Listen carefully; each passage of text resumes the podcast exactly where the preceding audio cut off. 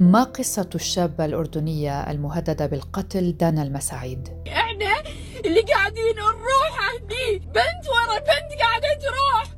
تبوني أنا بعد أروح وقاعدة هذا صوت دانا. آه، دانا قاعدة تمر بمرحلة رعب يعني بوضع آه، يرثى له اضطرت هني إنها تناشد الناس أو يمكن تبي تحمي نفسها. آه، عن طريق ال social media نزلت الفيديو وتتحامى في الناس وترى أني أنا إذا انقتلت يعني فيما معناه ان انقتلت من الناس هذه اللي قاعد ترسل لي تهديدات. هذا صوت والدة دانا السيدة سحر الحسان من الكويت وهي ضيفتنا اليوم في حلقة بودكاست في عشرين دقيقة. أهلا بكم معكم براء صليبي. أطلقت الممثلة الأردنية دانا المساعيد نداء استغاثة يوم الثلاثاء الماضي لحمايتها من تهديدات بالقتل قالت إنها وصلتها من أشخاص من عائلة والدها الأردني المنفصل منذ سنوات عن والدتها الكويتية. وتوجهت المساعيد عبر حساباتها على مواقع التواصل الاجتماعي لتكشف تفاصيل القصة والتي بدأتها بتغريدة على تويتر قالت فيها: أنا دانا المساعيد أردنية الجنسية كويتية الأم أتعرض لتهديدات بالقتل بكل علانية من أسرة الأب وسبق وأخذني والدي من أمي وأرجعتني لها بشكل قانوني وبعد ذلك لم يتركوني ولا لحظة لأعيش بسلام. أطالب بحمايتي لا تجعلوني الضحية القادمة وأوصل صوتي لكل مكان. وبعدها ظهرت دانا في مقطع فيديو وهي تبكي لتكشف المزيد من التفاصيل المؤلمة والخوف الذي تعيشه في الوقت الراهن بسبب عائلة والدها حيث قالت يا جماعة الخير الموضوع كله أنا إنسانة طالبت في حقي في حمايتي. أنا لا أبي شهرة ولا قاعدة أطر ولا أنا قاعدة أطلب حقي. ربي خلقني حرة أقدر أعيش وين ما أبي في بس لا تطعنون بشرفي. لا تقولون عار ذبحناها عشان عار أنا ما جبت العار لكل شخص يطالعني الحين. والله العظيم. يا إني ما جبت العار ولا ارتكبت أي ذنب. أقسم بالله. ذنبي إني ما ارتكبت ذنب. وفي بساطة يقولون لي انت طبعا ما ساعدتيهم ما طرشتي لهم فلوس. ليش؟ أنا بنتهم ولا كما كتبت عبر حسابها على إنستغرام قبل دقائق معدودة وصلتني تهديدات عن طريق ال direct message أو الرسائل المباشرة من أشخاص مجهولي الهوية لكن لهم صلة بي وبأهلي وبعدها بدقائق أخرى اختفى الحساب كليا من إنستغرام وبعدها بدقائق تم تهكير حسابي واسترجعته بسرعة مرة ثانية وتابعت طبعا من قبل تم مساومة أمي على مية ألف دينار كويتي ونسلمت البنت يعني أنا حالي حال السلعة. أنا حالي حال اللعبة. واستعرضت دانا المساعيد التهديدات التي وصلتها عبر رسائل الانستغرام والتي جاء فيها كلام غير محبب وغير لطيف وأحيانا فيه إساءة مباشرة وإساءة حقيقة يعني لم أرغب في إعادة ما جاء فيه. لكن مما ذكر فيه أن صاحب الحساب الذي أرسل لها الرسائل طلب منها أن تودع أحبابها التي هي بينهم وأكد أنه خلال يوم أو يومين وبالكثير ثلاثة أيام لن يروها مجددا. ونصحها صاحب الحساب ألا تفكر بالتبليغ لأحد لأن لا أحد سينفعها وأيضا وصل الكلام المسيء من خلال هذه الرسالة للوالدة ولأهل دانا وقال بأن هدر دمها سيكون على أيديهم وأن عارهم سينغسل كله خلال يومين.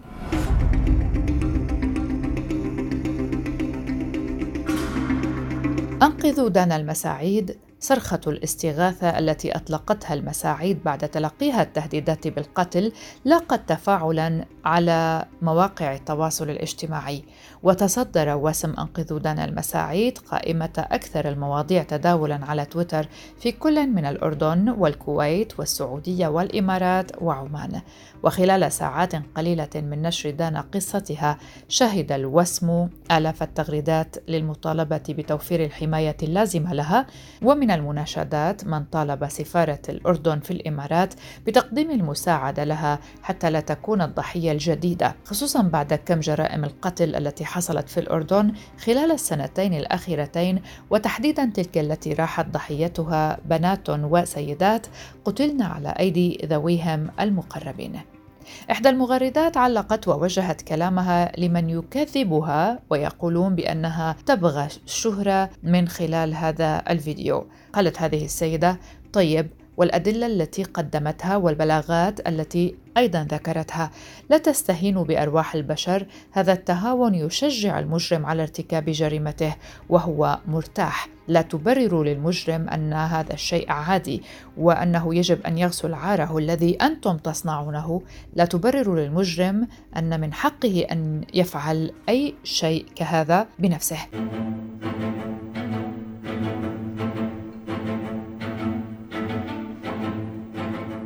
على ما يبدو بأن صرخة دانا المساعيد وصلت للجهات المسؤولة في الإمارات حيث كشفت بأن الجهات الرسمية المسؤولة تواصلت معها لتبني قضيتها وحمايتها وهو ما أكدته مساء الأربعاء الماضي. عبر بوست نشرته على صفحتها الرسمية على تطبيق انستغرام. ووجهت الفنانة المساعيد رسالة شكر لدولة الإمارات بعد أن تفاعلت الجهات المعنية مع قضيتها كما وجهت الشكر لكل من تفاعل معها وساندها من النشطاء والناشطات و في كل مكان ومنهم المحامية الكويتية المقيمة في لندن دلال المسلم. وقالت دانا بأنها تقدم الشكر لكل شخص شريف تبنى قضيتها وكأنها قضيته فهم من أوصلوا صوتها وساعدوها في حماية نفسها وروحها ودمها وختمت الله يجعلكم ذخر وسند يذكر أن دانا المساعيد فنانة أردنية من مواليد 2001 بدأت مشوارها الفني عام 2009 من خلال البرنامج الكوميدي طول بالك مع الفنان الكويتي طارق العلي وشاركت بعدها في أعمال تلفزيونية عدة. كما ذكرنا في بداية الحلقة والدة الفنانة دانا المساعيد السيدة سحر الحسان من الكويت هي ضيفتنا اليوم لتحكي لنا القصة التي حصلت مع ابنتها. آه، حبيت أشارككم آه، اللي حصل حق دانا في البداية آه، اللي خلاها هي ناشد عن طريق ال social media. وحابة أشارككم قصتنا عن طريق الآن FM من دبي. بسم الله الرحمن الرحيم. اللي حصل حق دانا أول شيء إنه تم محاولة اختراق إنستغرامها من شخص مجهول ما تعرفه. وطبعا إنستغرام على طول دز لها الإيميل إنه قاعد يتم محاولة اختراق إنستغرامك. فطبعا اللي اخترق الإنستغرام قدر إنه يغير اسمها ويحط على صفحتها في البداية إنه تم إلغاء الصفحة. و ولكن بالمحاولات قدرنا نرد مرة ثانية ندخل على الانستغرام ونرد حق دانا الحمد لله. عقبها على طول يعني آه، بلش يجي تهديدات حق دانا وقذف ومسبات وكلام ما أقدر أذكره طبعا. طبعا أنا على تواصل مع بنتي قلت لها ماما عادي هذا مجرد تهديد عادي عبر موبايل هذا ما يأثر يعني يا ماما. آه، ما في يعني خلال ساعات معدودة جالها مسج إن هذا هدية لك زه بنفسك إن إحنا آه، جايينك وراح يتم قتلك وودع أهلك آه، لأن ما راح تشوفينهم مرة ثانية بعد اليوم. همينا ما اهتمينا للموضوع. آخر شيء جالها تهديد يعني إن هذا موقعك وهذا صورة جوازك. هني دانا خافت فرأسا قلت لها ماما يعني توجهي لأقرب مركز أمني في أبو ظبي وبلغي عن الموضوع. طبعا وهي دانا رايحة على المخفر بلغت وهمينا في نفس الوقت. دانا قاعدة تمر بمرحلة رعب يعني بوضع يرثى له. اضطرت هني إنها تناشد الناس أو يمكن يمكن تبي تحمي نفسها آه، عن طريق ال social آه، ميديا نزلت الفيديو وتتحامى في الناس وترى إني أنا إذا قتلت يعني فيما معناه آه، ان قتلت من الناس هذه اللي قاعد ترسل لي تهديدات. والحمد لله رب العالمين يعني بلغنا وعن طريق ال social media ما شاء الله صار تفاعل قوي وشديد مع دانا يعني أعتقد مدة ثلاث أيام دانا ترند أول يعني على ال social media. والكل أتواصل مع دانا الحمد لله رب العالمين. وطبعا أشكر السلطات الأمنية اللي وقفت مع بنتي دانا في أبو ظبي وفي الكويت والمحطات وكل اللي تواصلوا مع دانا يعني كل الناس اللي ناشدوا لحماية بنتي دانا أشكرهم وأشكركم أنتم كإذاعة. كل ما قصر والحمد لله رب العالمين يعني. إذا كنت تعيش في الإمارات من الضروري التفكير مليا قبل القيام بأي شيء عبر الإنترنت، فهيئة تنظيم الاتصالات في الإمارات العربية تراقب عالم الإنترنت وتحظر بشكل صارم من القرصنة الإلكترونية واستخدام البرمجيات الخبيثة عبر الإنترنت وخدمات نقل الصوت عبر بروتوكول الإنترنت VoIP غير المرخصة. ويعاقب على القرصنة الإلكترونية أو الوصول غير المسموح به إلى البيانات أو المواقع الإلكترونية أو الشبكات أو النظام بغرامة لا تقل عن 50 ألف درهم إماراتي وتصل أحيانا لغاية مليون درهم إماراتي في حالة حذف أو سرقة أي معلومات شخصية، كما أنه يعاقب على انتهاك الخصوصية أو الاعتداء على خصوصية شخص ما، بما في ذلك استراق السمع أو نسخ الصور الشخصية للشخص أو نشر أخباره عبر الإنترنت. كل ذلك يعاقب عليه بالحبس لمدة ستة أشهر وغرامة تتراوح بين 150 ألف درهم إلى 300 ألف درهم.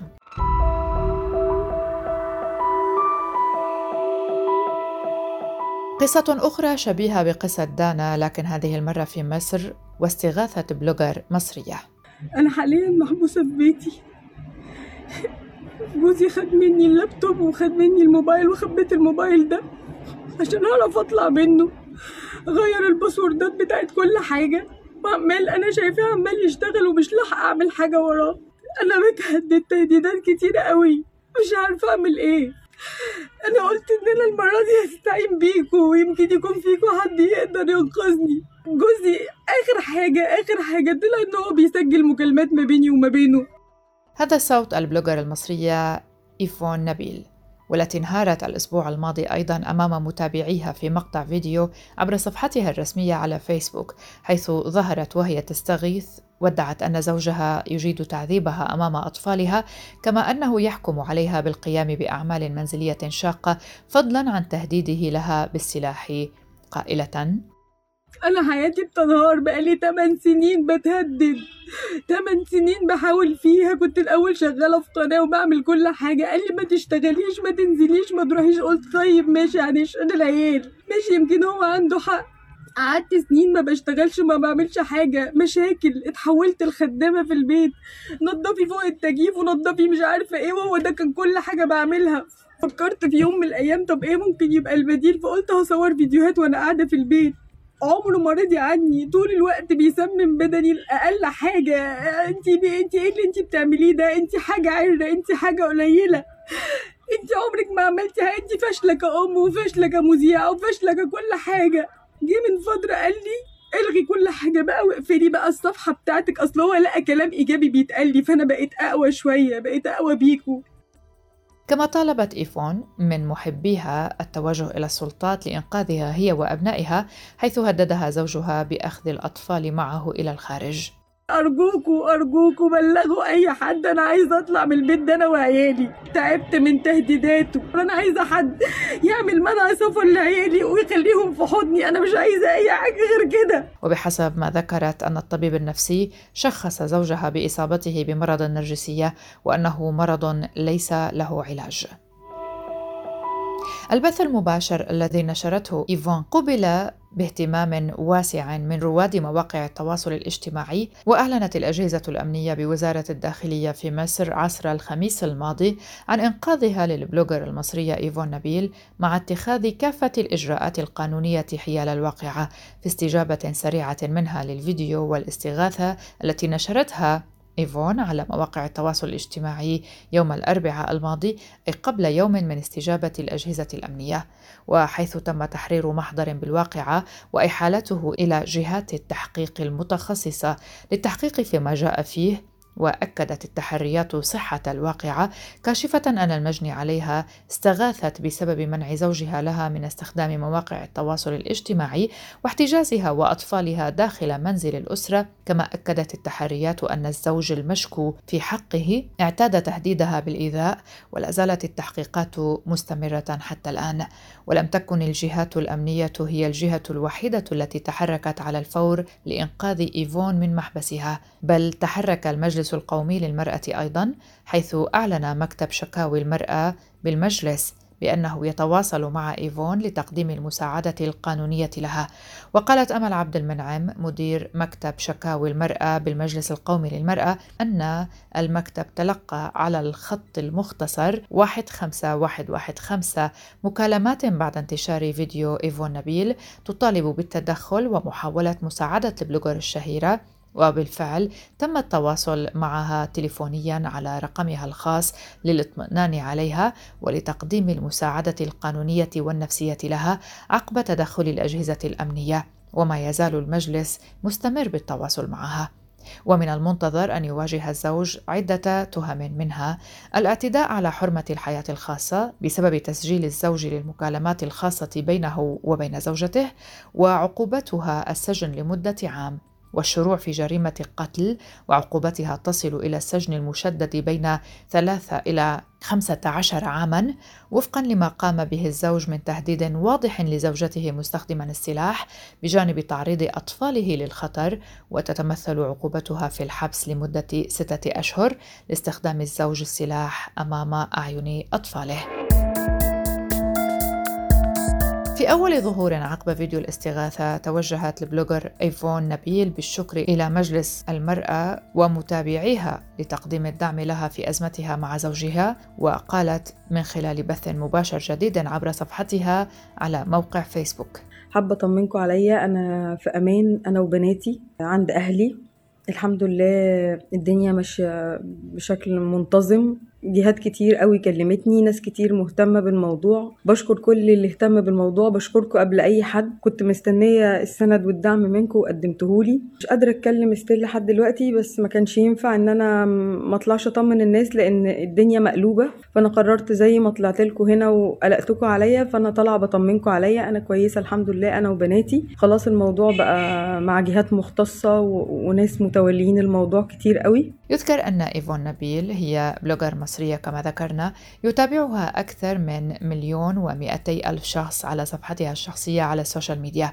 بدأت إيفون حياتها العملية قبل أن تصبح بلوجر شهيرة كصحفية حيث عملت في جريدة الأهرام ومجلة الشباب كما عملت أيضا كمراسلة للعديد من البرامج التلفزيونية وشاركت أيضا في كتابة مسلسلين كما شاركت في تمثيل عدد من الأعمال الفنية لكنها تركت مجالي الإعلام والتمثيل. لتصبح بلوجر لأن زوجها كما ذكرت منعها من العمل خارج المنزل وقام بحبسها على حد تعبيرها. التفاعل مع الحالتين دانا وإيفون دفع كثيرين للتأكيد على أهمية مواقع التواصل الاجتماعي في إيصال صوت كل مظلوم وتساءل أحد المغردين عما كان ممكن أن يحصل مع دانا إن لم تستطع أن توصل قضيتها لمواقع التواصل الاجتماعي. والدة دانا أيضا كان لها رأي مشابه. السوشيال ميديا صار يوصل صوت أي مظلوم أو أي مو قادر يوصل صوته يقدر يوصل صوته بكل سهولة. وأشكركم وعسى ربي يوفقكم جميعا ويحفظكم ويحفظ عيالكم وأبنائكم. أختم حلقة اليوم بالتذكير بأن هناك كثيرات يمتن ولا يدري بهن أحد وأن ما نراه عبر وسائل التواصل ما هو إلا واحد في المئة فقط مما يحصل على أرض الواقع. كما أن هناك كثير من النساء المستهدفات في صمت لأنهن لا يملكن الوعي ربما أو القوة للمطالبة بحقوقهن.